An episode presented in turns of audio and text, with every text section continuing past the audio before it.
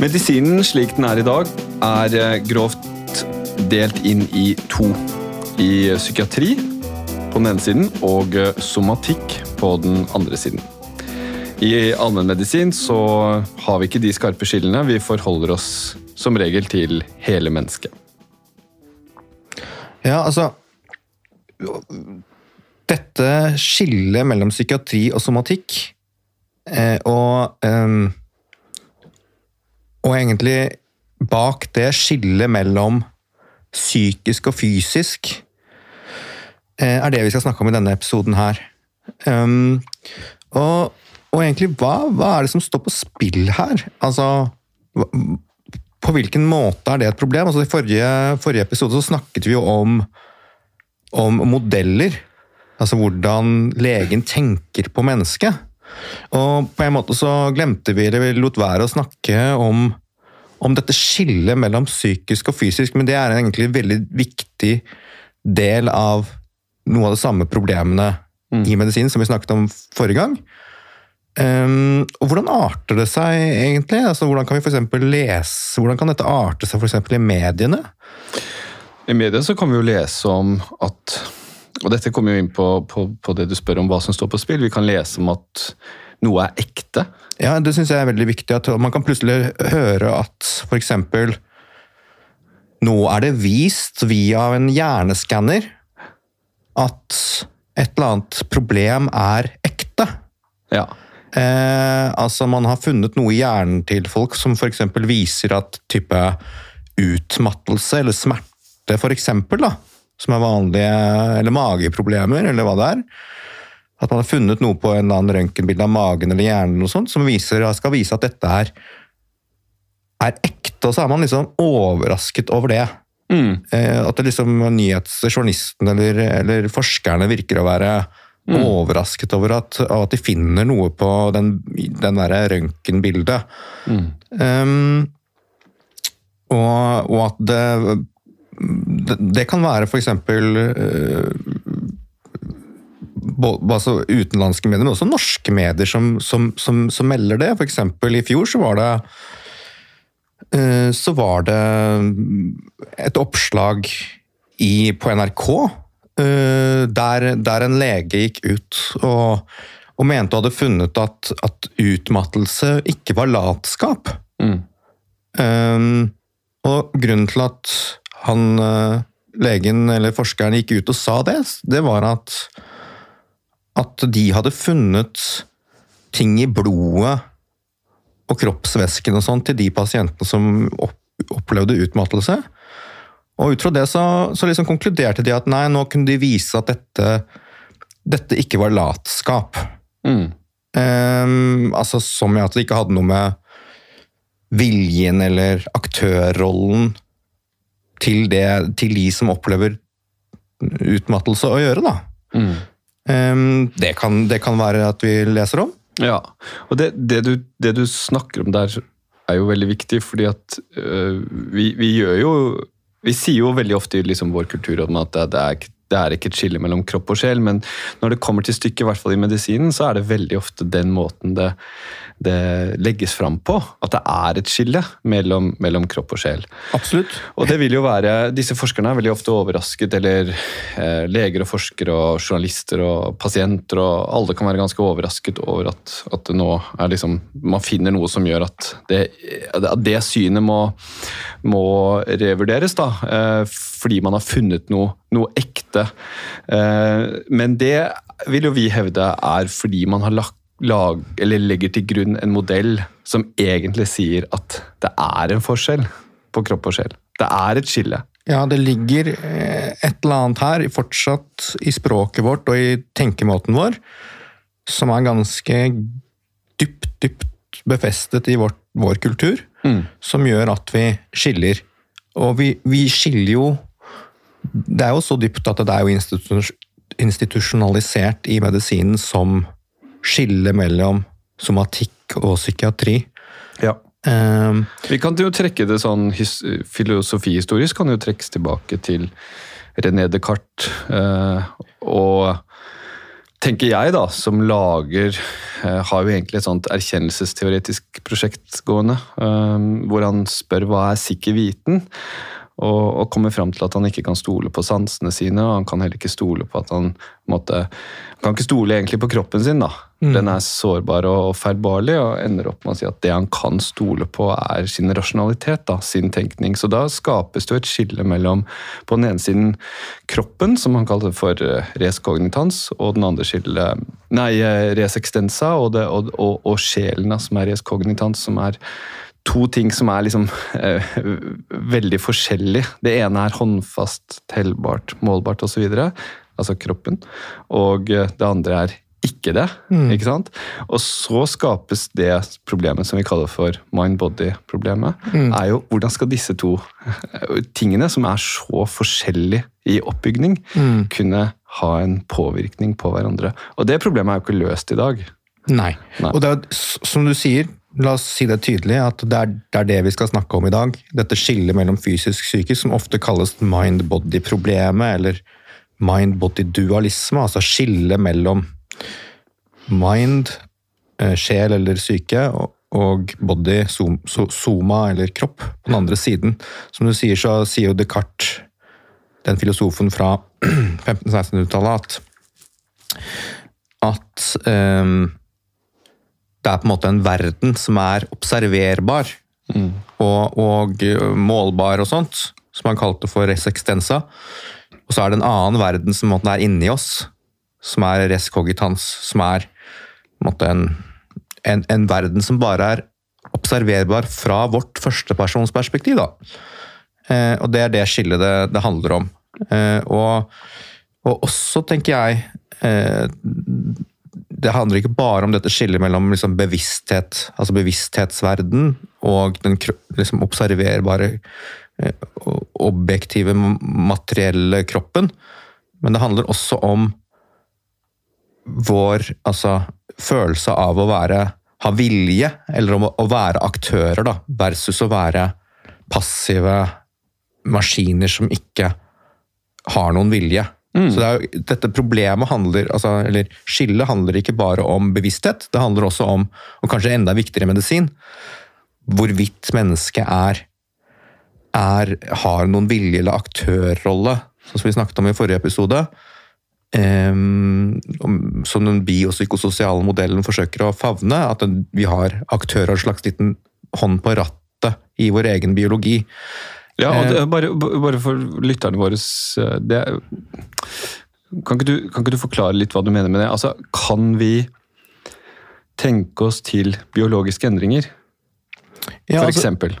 Ja, hvis, hvis, hvis eh, man tenker at vi med vår hjerne er en aktør som kan på en måte har en slags kausal, årsaksmessig evne til å sette ting i verk. At det er en At vi ikke bare er liksom passive flyter på en sånn strøm av hendelser som vi ikke har, kan gjøre noe med her i universet, så, så, man, så må man tenke at når jeg gjør, lager en tanke, gjør noe, snakker med deg nå, eh, så, så endres noe i hjernen min mm, med nødvendighet. Og så kan det endre resten av kroppen vår. Så man, så man, hvis jeg tenker på noe aktivt på noe beroligende, og pulsen min går ned, f.eks., så har jeg liksom gjort en endring. Men det er en kontroversiell tanke i, i, i filosofien og vitenskapen, eh, som da som da øh, gjør at vi øh, fortsatt sitter igjen med et sånt skille mellom fysisk og psykisk. Altså denne, for å gå, sånn som du, du snakket om Descartes, men dette skillet mellom fysisk og psykisk i vår kultur og i vitenskapen, spesielt i kanskje vestlig kultur, går jo ikke tilbake til, tilbake til Descartes. Dette er liksom noe veldig fundamentalt.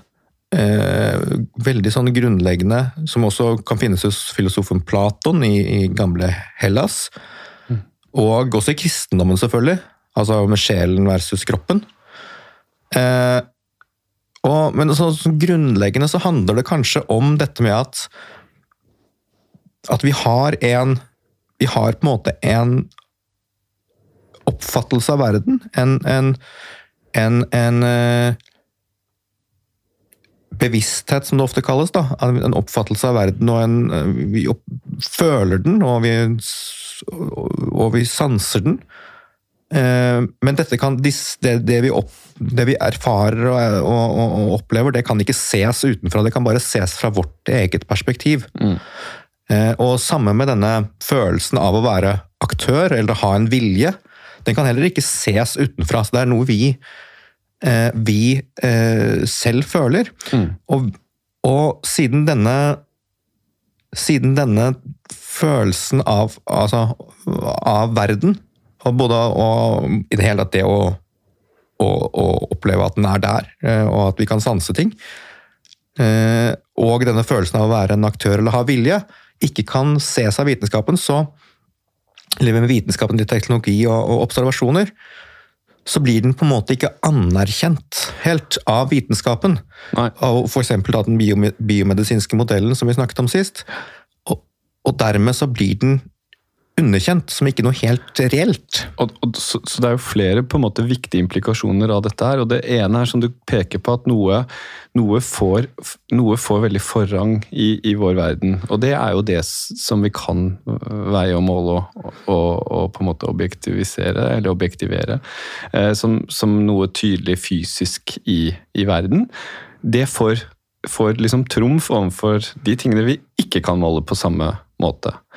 Så Det er den ene sånn ehm, Og derfor hører vi jo på en måte at veldig mange er glad for når man finner noe i kroppene som kan forklare at de har følt seg slitne eller at de har smerter. eller Fordi det ligger liksom noe i dette om at man ikke blir trodd hvis det ikke blir funnet noe. Som jo er veldig alvorlig og har vært en grov urett mot veldig veldig mange mennesker over lang tid, tenker jeg. Og som ja. medisinen i høyeste grad har stått for. Er du ikke enig i det? Jo, jo. Altså, dette er jo ting leger og forskere fortsatt surrer med. Mm. Uh, altså at, at, man kan finne på å si liksom da at, at hvis, man, hvis, jeg ikke finner noe på, på røntgenbildet mitt, så kan det jo hende at det handler om sjelen. Ja, ikke sant? Og dermed latskap, liksom. Ja. Som er en helt absurd ting egentlig vitenskapelig å si i dag. Men, men det henger ved. Og, og, som du sier, så, så, så, blir det da siden sånn at det som er observerbart og, og, og oppfattes å være materielt og fysisk, eh, høy, er liksom vitenskapelig og anses å, å, være reelt, så har det også høyere prestisje. Og er liksom ikke, Vi kan også fortsatt i, i vår kultur og, og, i media snakke om, og høre om at liksom, noen lidelser er innbilning, mm. mens andre er ikke det. Mm. Og Det handler jo om der hvor man kan finne et eller annet i kroppen. Og så er det jo sånn at selvfølgelig Vi kan ikke, som vi skal snakke litt mer om etterpå, vi kan ikke forvente at noen ting egentlig ikke at, ikke, at det er noen ting ved mennesket i det hele tatt. Man ikke finner noe ved med et perfekt røntgenbilde. Liksom. At det liksom ikke fin at det noen, skal være noen uh, tilstander ved kroppen der man ikke finner noe, vil jo fordre nettopp at det finnes en sjel som er helt uavhengig av kroppen. Mm. Uh, men, vi kan snakke litt mer om det. det, vi, det, det den, så det er den første biten, som på en måte, den første alvorlige implikasjonen. At noe blir sett på som reelt, og det andre ikke blir sett på som, som reelt. Uh, og den andre viktige implikasjonen er at det har noe, som du har vært inne på noen ganger nå, uh, har noe med liksom jeg-personen, eller aktøren, uh, meg, da, uh, i min egen sykdom å gjøre. Altså I en helt ekstrem modell, hvor det ikke er noe forhold og det er ikke noe samhandling mellom kropp og sjel, så opererer de på en måte litt uavhengig av hverandre. og da, du, har noe, du, har ikke noe, påvirkningskraft. Mens i en annen type modell, hvor, hvor vi forutsetter at også tenkningen vår og ja, hele bevisstheten og personligheten vår vil spille inn i biologien vår, så har vi jo plutselig det du kalte for en hånd på rattet.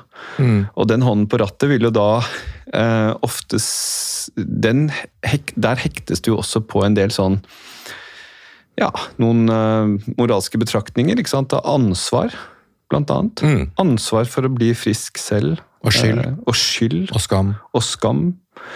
Og de, de, Det er vel ikke helt Det blir jo ikke helt sånn, i hvert fall i klinikken i dag, i veldig stor grad blir det liksom ikke tematisert noe særlig, men det er ganske viktig for å kunne klare egentlig å komme seg gjennom uh, en del symptomer og sykdommer i dag, tror, tror vi, da. Mm. Særlig der hvor man ikke har noe helt sånn klart fysisk håndfast. Ja, altså det er jo sånn at vi har- noen veldig sånne fordomsfulle og grove skiller i, i medisinen som, også, som er på alle måter feil. Men, men ikke sant at, at um, somatiske tilstander, altså der man mener å ha en forklaring eller modell av, av problemet som er observerbart i kroppen, det er på en måte reelt, og når, man, og når, når det er observerbart på den måten, så føler man også at, man ikke, at personen som har denne sykdommen, ikke har noe ansvar eller skyld for det. Men, men, men det trenger ikke nødvendigvis være sånn. Altså, Atferden og tenkningen og stressingen til en person kan godt føre på en måte etter hvert til et hjerteinfarkt. Selv om det er- hjerteinfarkt regnes som noe somatisk. Så, det er, så det, er, det er ikke helt sant på den siden. På den annen side så er det sånn at hvis du havner i psykiatrien, så havner du på en måte dit pga. sjela di. Selv om psykiatrien selvfølgelig er veldig opptatt av hjernen, og, og sånt, men la oss si veldig sånn grovt i vår kultur, så da, da havner du der på grunn av På grunn av eh, noe som har med din atferd eller aktørrolle å gjøre. Og dermed er psykiatrien i veldig mye større grad forbundet med skyld og skam. Eh, og har lavere prestisje. Eh, så når du havner der, så har du ansvar. Havner du i somatikken, så har du ikke ansvar. Ikke sant? Selv om det kan være som hvis du har, Det er mange tilstander i psykiatrien som jeg tenker har veldig lite å gjøre Som du kan gjøre veldig lite med gjennom din tenkning. eller altså for- for En alvorlig schizofreni-diagnose, f.eks. Ikke så veldig mye du kan, kan kan bidra med veldig vesentlig der, da. Mm. Gjennom hvordan du Gjennom du, hvordan du fortolker situasjonen din og sånt. Men, men, men, eh, men vi har dette veldig grove skillet hele veien. Mm. Nå er det jo sånn at det, det, det er vanskelig å måle, selvfølgelig, psykologi altså, og, og, og det personlighet og, og sånn, men det vi ofte gjør i, liksom, i de modellene vi har nå, er at vi måler det vi kaller for korrelater. Da. Eller vi måler noe som vi kan tenke oss kan forklare dette. Eh, Og et typisk eksempel på det er jo sånne at man omgjør på en måte hele sjelsspørsmålet til hjerne. Ikke sant? Så, så, så da, da ble det Det var populært, og jeg tror kanskje det begynte liksom på, på midten av 2000-tallet. Og har vært veldig fremover nå med et sånn typisk med sånn funksjonelle MR-undersøkelser i hjernen, som et sånn typisk eksempel på det. Men, kan ikke du si hva en, en MR er? En MR er jo, står for magnetisk resonans. Det er en veldig avansert eh, eh, diagnostisk verktøy som vi bruker til å gjøre en mapping av, eller man lager et kart, da, eh, et bildediagnostikk av eh, Men det er et bilde, ikke sant? Av, bilde. Spesielt av hjernen i denne sammenheng. Spesielt av hjernen. Og når du, når du har en funksjonell MR, så har du noe som du kan måle hvordan en, en endring, veldig ofte f.eks. i hvordan blodet går, eller vannstrømningen og den type ting, hastigheter, og kan måle det. da. Så fra 2000-tallet og, og fram til i dag så har det vært veldig populært å drive med en del undersøkelser som, heter, som er sånne funksjonelle MR-undersøkelser. hvor man for eksempel, Et typisk eksempel var jeg husker, eh, Dette er ikke fra medisinen, da, men det var fra humorverden.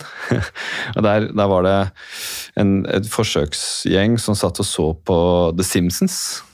Og så lyste det opp et område i hjernen når, når eh, Homer sa et eller annet. Da. Og så mente forskerne da at de hadde funnet senteret for, for ironi. da. Ikke sant? Så det er, det er en sånn typisk måte. Men så blir spørsmålet kan ironi forklares av det området. Eller er ironi Eller er den ironi- tingen man ser på det røntgenbildet? Ikke sant? Ja. Ja, det er jo et kjempedypt spørsmål, og noen vil jo si ja. Jeg ville si nei. Jeg tenker jo at ironi er den sosiale tingen vi har mellom oss, og noe vi opplever fra vårt perspektiv sånn, som mennesker. Men, men, men, men, du har rett i at at dette med MR-bilder spesielt, altså muligheten vitenskap Før så har jo ikke mennesker kunnet, eller forskere kunnet gå inn i hjernen på levende mennesker. Da dør de jo. Så dette MR-teknologien, så muligheten til å ta veldig sånn avanserte bilder av hjernen, revolusjonerte på 90-tallet, som du sier, 90-2000-tallet, at måten, altså muligheten vår for å, for å liksom beskrive og observere hjernen på en måte så er det kjempefint, for da kan man få mer kunnskap om, om hvordan hjernen påvirker resten av kroppen og, og, og, og andre ting. Men, eh, men det, som har, det, som det også har gjort, er at det har på mange måter erstattet eh, skillet mellom kropp og sjel. Mellom, med, med, et skille mellom kropp og hjerne. Mm. Så man, så noen som snakker om et brain-body-skille, at man kan høre sånne helt absurde Ofte sånne helt absurde eh, utsagn i, i, vår kultur nå om, som handler om at, om at eh, Vi vet jo at hjernen eh, påvirker resten av kroppen, eller at uh, hjernen henger sammen med resten av kroppen. Uh, som om det er noe overraskende. altså Selvfølgelig henger hjernen sammen med resten av kroppen. Den henger sammen med resten av kroppen via et kroppsområde som kalles halsen. Men like fullt så er det noe liksom overraskende fortsatt for oss i, kult, i vår kultur med at liksom hjernen, Man snakker om hjernen og resten av Hjernen og kroppen. Mm. Hjernen og kroppen henger sammen, men, men, hjernen er da helt klart en del av kroppen. Mm. Det er kroppen. Sånn at det er en enhet istedenfor en, en, en todeling. Men, men, det henger så mye igjen i vår kultur at man snakker om liksom hjernen og kroppen som, litt som to adskilte ting. Ja. Um, og så kan du si, ikke sant, for Hvis vi forfølger den ideen der, da, så, så, er det jo stadig vekk mer og mer forskning også på sykdom. Og det, for det første så har vi da definert noe som sykdom. det er I utgangspunktet har vi gjort en konseptuell liksom, Vi definerer noe. La oss si angst eller depresjon. da. Det er definert av ofte profesjonen selv. Vi har de og de kriteriene, så, så kaller vi det depresjon eller angst. Og så måler man eh, dette i en hjerne, og så ser man at f.eks. hos pasienter med depresjon så lyser det opp i et eller annet område av hjernen. Da. Mm. Vi, i, i, vår modell ville vi sagt at det hadde vært veldig overraskende hvis det ikke lyste opp.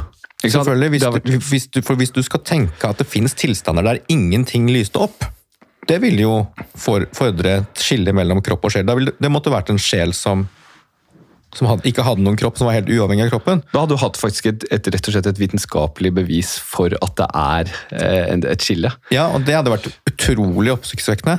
Men likevel så blir vi altså, som du sier, oppsikt, opp, opp, overrasket, eller folk blir overrasket over å finne noe. Og, og det som da er interessant, er jo at når, det, når man finner noe La oss gå tilbake 20-30 år så ville man antageligvis ha de samme diskusjonene om f.eks. en ting som depresjon, da, som alle er enige om er på en måte en hjernesykdom eller har med biologi å gjøre i dag. Eh, men at man liksom kunne, kan se for seg at man hadde, hadde lignende diskusjoner den gangen. At man, liksom, man tok et bilde av hjernen hos deprimerte, eller tok blodprøver, og så fant man et eller annet. Så blir man på en måte overrasket over at en, en tilstand som depresjon er fysisk, og så kan man sikkert ha, ha, ha diskusjoner om at oi, det er jo en reell sykdom. Psyka, psykiatriske sykdommer er reelle. Eh, og så kan man tenke at de får litt mer prestisje av det. At de, de får mer prestisje av at de er biologiske, men det at man finner noe på et røntgenbilde i kroppen eller hjernen, har ingenting å gjøre med om det har noe med vilje å gjøre, eller for den saks skyld latskap å gjøre. Altså, latskap har også et biologisk korrelat, eller en, en, en latskap kan også ses på røntgenbildet. sånn at hvis du, hvis det, hvis det, noe Hvis du tar, skulle ta, kalle inn, teoretisk sett, noen late mennesker og tatt bilde av hjernen deres, så vil du også finne noe, noe ved hjernen deres som er en kjennetegn ved den type atferd eller den type mm. personlighet. Mm. Sånn at det er øh, Det at man finner noe i hjernen, er rett og slett som du sa i stad, ikke noe bevis for årsak. Nei, og, og, problemet oppstår jo hvis det brukes til å begrunne at man ikke kan gjøre noe med det selv. Det er et ja. av de største problemene, tenker jeg. da. Det er en av de tingene som står på spill. Altså, man, man, man, man, kan få overskrifter som liksom Se her, vi har funnet noe på hjernen. Derfor er det ikke din skyld. Og så, så har jeg sånn Ok, det er veldig dumt at man hele tiden skal snakke om skyld. Mm. At det skal være det, men, men, men nå har jo Nå har jo vår, altså Det er sånn at hvis du hvis liksom aktøren, hvis du, du som aktør har noen årsak i det selv, så, så er liksom ansvarsaspektet der. Men, men, men, det er i hvert fall feil, da. At du, det at du finner noe i hjernen, det betyr ikke om du har skyld eller ansvar eller ikke i seg selv. Det må man se på eh, mange forskjellige ting for å avgjøre om, om en persons eh, atferd eller tenkning eller sånt har noe å si. Ja. Men, men, som sagt, da, latskap eller Eller Altså, viljen har jo Hvis vi har en vilje, så har jo også den et Så er jo også den selvfølgelig genetisk og biologisk og kan ses som et, et, slags skyggebilde på røntgenbilder av hjernen. Mm. Alt vil kunne ses på den måten. Ja, for jeg tenker sånn I, i terapeutisk sammenheng så er det ikke, det er ikke så viktig for meg å plassere det. altså Den skyldbiten det, går jeg all, veldig sjelden inn på, eller vi snakker veldig sjelden om det i klinikken. Men det åpner opp for å skjønne at måten jeg eller pasienten foran meg eh, tenker, handler, eh, hva den gjør, ikke gjør vil være med på å um, forklare symptomer. Bare, ja, og, og forklare, forklare, sykdom. Og Det er en ve veldig viktig ting i seg selv, å skape forståelse. Men på den positive siden, altså den andre siden av skyld og skam, så, så ligger det jo mye mer positive ting. Det kan jo være med å bemektige mennesker. Ja. Sette dem i aktørrollen. Mm. Sette dem i førersetet av sitt liv. Eh, med noen verktøy som gjør at de faktisk kan få det mye bedre. Jeg Kan også det å påpeke at, at, at, at dette, med, dette med at vi ser ting på blodprøven din, at vi ser ting i, eh, på hjerneskanninger og sånt, betyr ikke at du har i seg selv at du har eh, null kontroll på denne tilstanden. Men så at Faren ved den type tankegang, da, at, at, i det øyeblikket noe ses i hjernen din, så har du ikke noe ansvar eller har, er du ikke noe aktør, er jo at du passiviserer folk og gjør folk, altså, gjør folk en enorm bjørnetjeneste. Mm. Ved å fortelle dem at eh, liksom, kanskje litt, for å være litt snill, at liksom, det, er, det, er, ikke din feil, liksom. Men, mm. men i verste fall så, så, kan du gjøre en kjempebjørnetjeneste og gjøre at de låser sin situasjon der de ikke kan ta tak i livet sitt med kjempekonsekvenser for, for den type for, for, for, det mennesket. Det tenker jeg skjer hele tiden i medisin. Absolutt. Og det, det er jo dette har jo vært liksom de lange linjene i medisinsk tenkning. altså jeg tenker Fra Hippokrates så har man jo vært opptatt av å kjenne personen med sykdommen, snarere enn å kjenne eh, sykdommen som har en person hektet til seg. ikke sant? Fordi at de ulike menneskene vil håndtere på en måte symptomer og sykdommer ulikt. Da. Så det å klare å få personen på en måte inn i, inn i bildet, inn i sykdomsbildet, og, og, skjønne at personen selv vil være med på å kunne modellere, gjøre ting bedre, gjøre ting verre osv. Nettopp ved det å være en aktør. da. Ja, og skape en god relasjon med det mennesket, ikke minst. Ikke sant? Eh, har noe å si eh, for hvordan sykdommen blir håndtert og, og påvirker også kroppen. Da. Det er jo en, det er som vi snakket om sist, også en, en, en, tradisjon som har vært med medisin hele veien. Helt tilbake til Hippokrates i, i gamle Hellas. Mm. At, at liksom, det er viktigere å kjenne mm. helheten, mennesket, mm. eh, personen med alle deres forestillinger og, og, og, sånt, enn å kjenne spesifikt sykdom. Da kan du diskutere det, kommer helt sikkert an på kontekst, da, hvor, hvor, du er og sånt. Men, men, men, men, det er en veldig viktig, veldig viktig del av medisinsk filosofi, men det har kanskje vært ligget litt eh, under for den mer sånn tankegangen som sier at sykdommen er denne tingen vi kan observere, og kan vi ikke observere den i kroppens deler, så er den ikke reell. Og da er den også psykisk. Mm. Og den, hvis den er psykisk, så er den ikke Det er den på en måte ikke-reell, ikke-eksisterende. Og dermed, dermed, har vi en pasientgruppe som går, går, rundt og føler at de har ikke-eksisterende problemer. Eh, og konsekvensen av det er selvfølgelig at de leter etter å få, få eksistere, nær sagt. Altså de leter etter å, å, å få en bekreftelse på at det er reelt. Eh, og det betyr jo å, å få bekreftelse på at det er fysisk.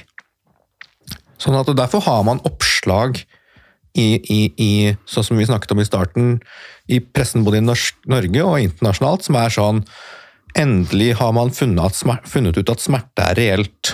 Mm. Selv om folk har følt denne smerten, og det selvfølgelig har kunnet vite at det, det er en eller annen kroppslig ting som gir smerte, som er forbundet med smerte, så kan en eller annen forsker fortelle folk at nå har jeg sett på brainscanningen min, og, og kan berolige alle med at det er reelt, liksom. Og så Mm. puster alle lettet ut. Mm. En veldig primitiv diskusjon kulturelt, egentlig. Ja, veldig. Og, og, og gjort stor urett. Og det at vi på en måte må jage så mye etter å finne noe for å bli trodd, det syns jeg er veldig, det er veldig trist. Og det har skadet mange mennesker, eh, mennesker opp igjennom. Det foregår jo mye interessant forskning på dette feltet nå. Det er jo bl.a. et norsk-svensk samarbeid tror jeg, som heter Mind Body Lab, som forsker mye på på liksom interaksjonen, da, sammenhengene mellom kropp og sjel. Det, det, Ja, men der sa du det! Det må vi ta tak i, Andreas. ja, ja, ja, ja, ja. Unnskyld. Ja, ja, ja, ja, ja, ja. Men, men, men Ja, si det, da. Si det, da. Nei, altså, fordi at man, man, man, man faller gjerne tilbake i språket sitt på Ja sånne ting man, som du nettopp sa nå. Mm. Med at, liksom vi, at eh, de forsker på sammenhengene mellom kropp, psykisk og fysisk, og sammenhengene mellom kropp og sjel. Og det er sånn språket vårt er. Eh, men hvis man sier det, at vi, vi vet at, at Man hører gjerne at vi vet jo at det er en sammenheng. Jeg vet at, det er, at de henger sammen. At, at, at eh, psykisk henger sammen med fysisk, eller at hjernen henger sammen med resten av kroppen. Jeg vet jo det. Men Eller jeg forsker på det. Men idet man sier det, så har man allerede akseptert at det er et skille. At det på en måte er en kropp og en sjel, så, og at de henger sammen på et eller annet vis. At de påvirker hverandre på et eller annet vis. Men saken er at det er, i hvert fall sånn som jeg tenker, bullshit i liksom den eh, faglige betydningen av bullshit. Altså at det er nonsens, da. Det er, det er, det er ikke det er ikke grunnlag for å tenke at det er to ting som påvirker hverandre, eller at det går an å forske på hvordan de henger sammen. Mm. Det er én ting. Ja. Mm. det er ett. Ja. Og det vi egentlig holder på med, er å, se, er å se på den ene tingen fra to ulike perspektiver. Ja. Nemlig fra vårt eget førstepersonsperspektiv, der vi kan observere visse ting. F.eks. hvordan verden observeres her med disse turkise og røde veggene og, deg som sitter i denne sofaen. Så fra tredjepersonsperspektivet, som da vil jeg se på dette rommet helt annerledes, og så forsøker man liksom sammenholde de um, og få det til å bli en slags helhet. Men, men jeg tror det er viktig at vi slutter å snakke egentlig sånn som du snakket nå. Ja, jeg, er enig, Henrik. Og samtidig så tenker jeg at dette er, dette er jo, vi må liksom ta skritt på skritt her. For det er jo, vi jobber jo i en kultur hvor dette er helt sånn ikke sant, Det er befestet. Det er fundamentet. Det, det er nesten umulig å snakke om det Så- uten å så, så, sånn at det å på en måte ta noen skritt på veien, da eh, Og vi tilhører jo da den kanskje en sånn type liksom filosofisk retning som, som bare forutsetter at det er, er, er en, en ikke-deling, da. Ikke sant? Eh, mens kulturen vår er jo veldig opptatt av dette tredje perspek- mm, personsperspektivet. Eh, Ja, vitenskapen er jo det. Vitenskapen er jo det. Så, vi, så det å ta liksom disse skrittene på veien, i hvert fall få folk til å skjønne at okay, det, du, sant? Det, er, det er sammenhenger. Mm. Det, det, det, det, er, det, er, viktig sånn pedagogisk, da, for Mm. å si det sånn. For jeg tror det er veldig vanskelig å bare bryte med hele eh, den kulturen vi har, har nå. Ja. Eh, men men man, så man må gå noen skritt på veien, da. Jeg vet Mm. ikke hva du tenker. Hei. Jo, det er jo alltid er pragmatikeren pragmatikeren her. den sjarmerende, karismatiske som kommer folk i møte og tenker at vi må ta skritt for skritt. og sånn. Men jeg vil ikke ha noe snakk om det derre Det henger sammen, Andreas. Nei da. Men i hvert fall em, Nei, så, så vi har Vi, vi syns det er mye som står på spill her. Vi har i dag f.eks. store pasientgrupper som går rundt og er på en måte på en slags verdighetsjakt etter biomarkøren. Kan ikke du si om det der, liksom det, det, begrepet biomarkør? Mm. Så Folk leter gjerne etter en biomarkør. Mm. Er opptatt av at det skal finnes en biomarkør for symptomet deres. Ja. Enten det er noe med utmattelse eller smerte eller, eller, ting med magen eller blæra, så skal det liksom finnes en biomarkør. Hva er det for noe? Biomarkør vil jo være, som, som navnet tilsier, altså en biologisk noe man kan måle, eller synlig biologisk, mm. som er mm. koblet opp mot en tilstand. Ja, et kjennetegn, et kjennetegn. gjerne på, ja. på, da, på, molekylplan i en blodprøve. Sant? Det kan være et hormon, mm. eller det kan være et protein. Eh, den biomarkøren jeg har jobbet med og publisert rundt, er en hjertemarkør som heter ProBNP, som sier noe om hjertets funksjon, da. Mm. Det er som et flagg. En markør er jo egentlig et kjennetegn. så Det norske flagget er jo en markør for en nordmann. Hvis du går, med den på, ja. går rundt med et norsk flagg, så er du sannsynligvis en nordmann. og Hvis du, hvis du har distinkt. den og den biomarkøren i blodet ditt, så skal liksom det si at da har du sannsynligvis den og den sykdommen. Ja, Og så er man jo opptatt i, i dette feltet, har i hvert fall var da, da jeg var,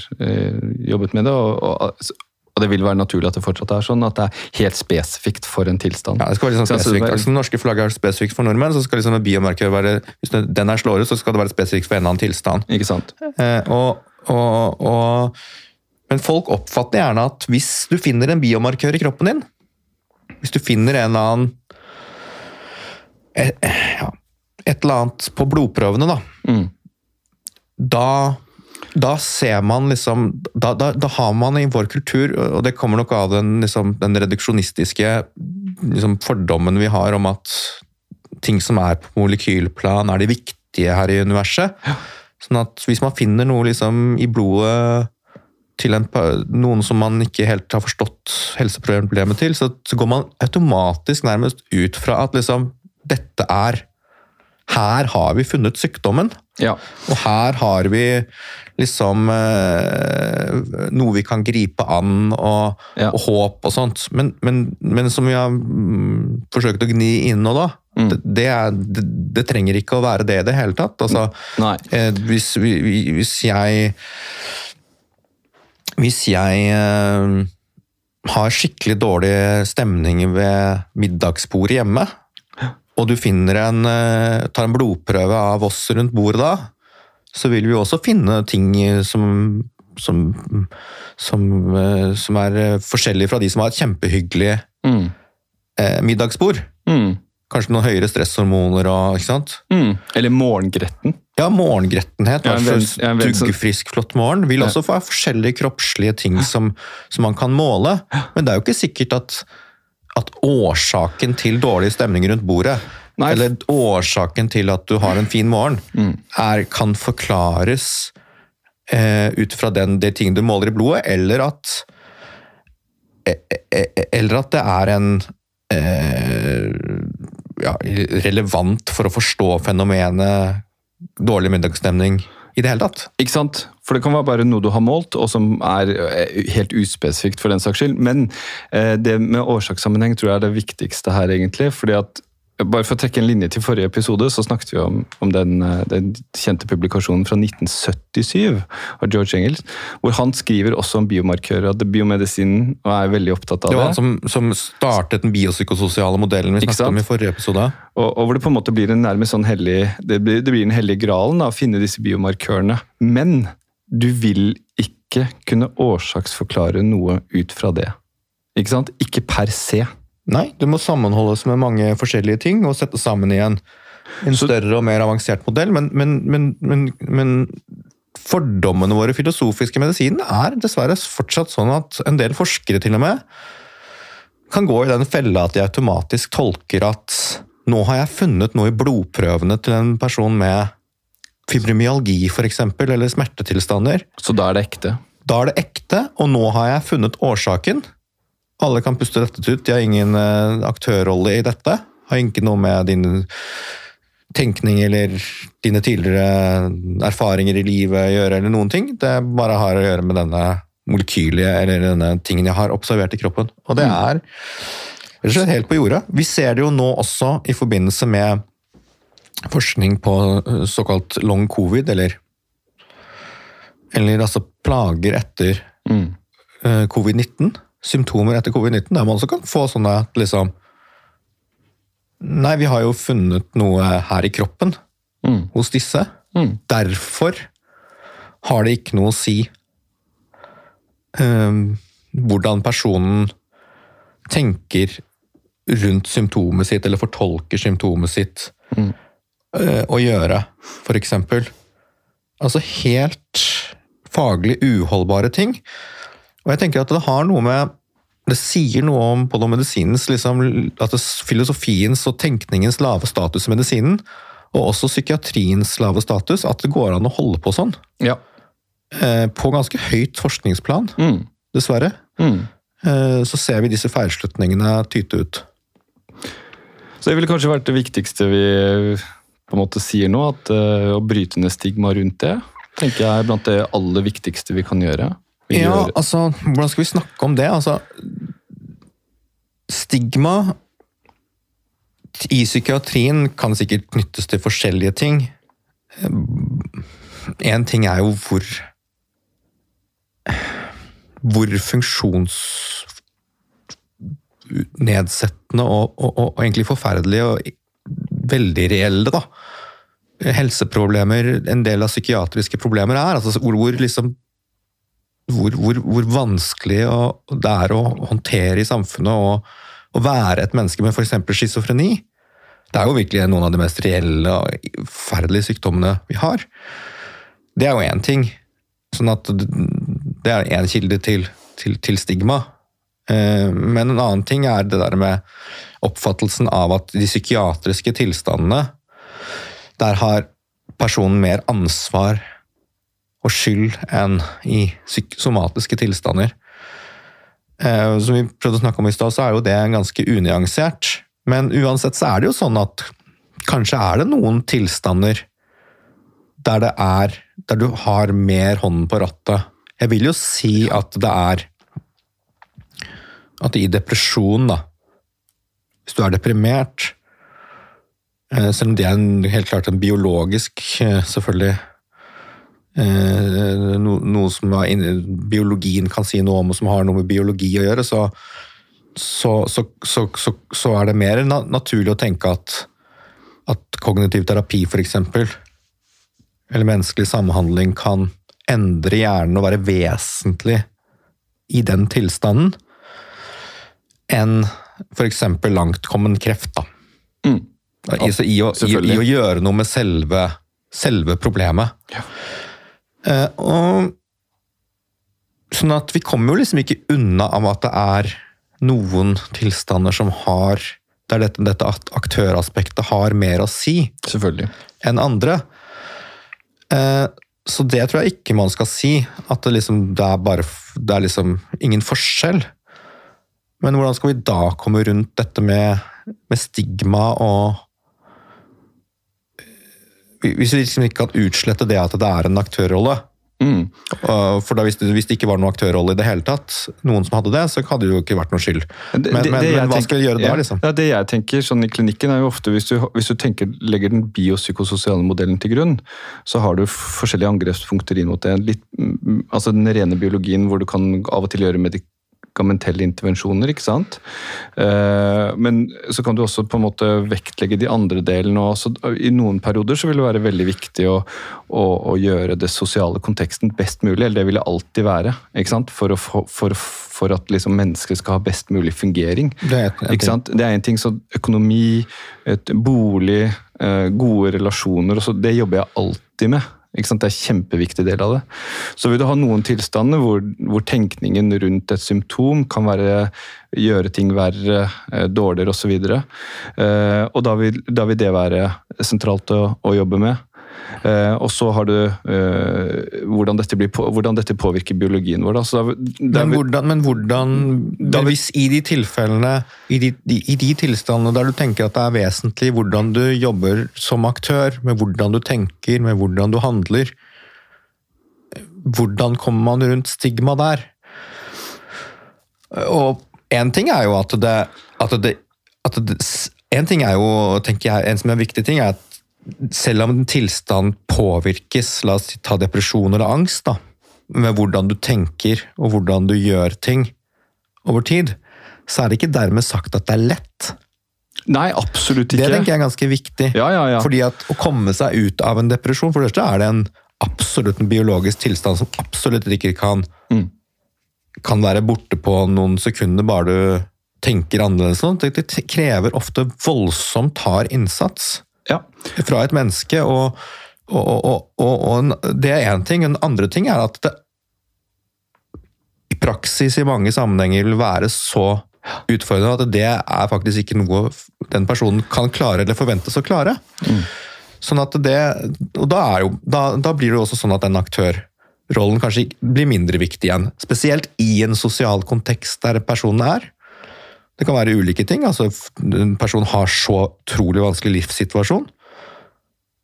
Eh, Eller det kan være at, eh, at, at den personen ikke er klar for den type intervensjon, f.eks. kognitiv terapi eller, Mm. eller annen, annen form for menneskelig samhandling. Og da, og da er jo også heller ikke forutsetningene der, på Men et jeg, vis. men jeg tenker vi snak, Man snakker jo liksom det, kanskje nå om litt forskjellige ting. Det ene er jo hvilke føringer medisinen gir.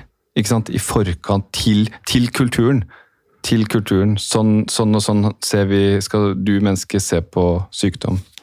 Ikke sant? Der, der, der kan vi jo gi veldig så, Sånn som vi har snakket om egentlig hele episoden. Hvis en medisin gir en veldig sterk føring på at noe er skarpt fysisk eller psykisk, ikke sant?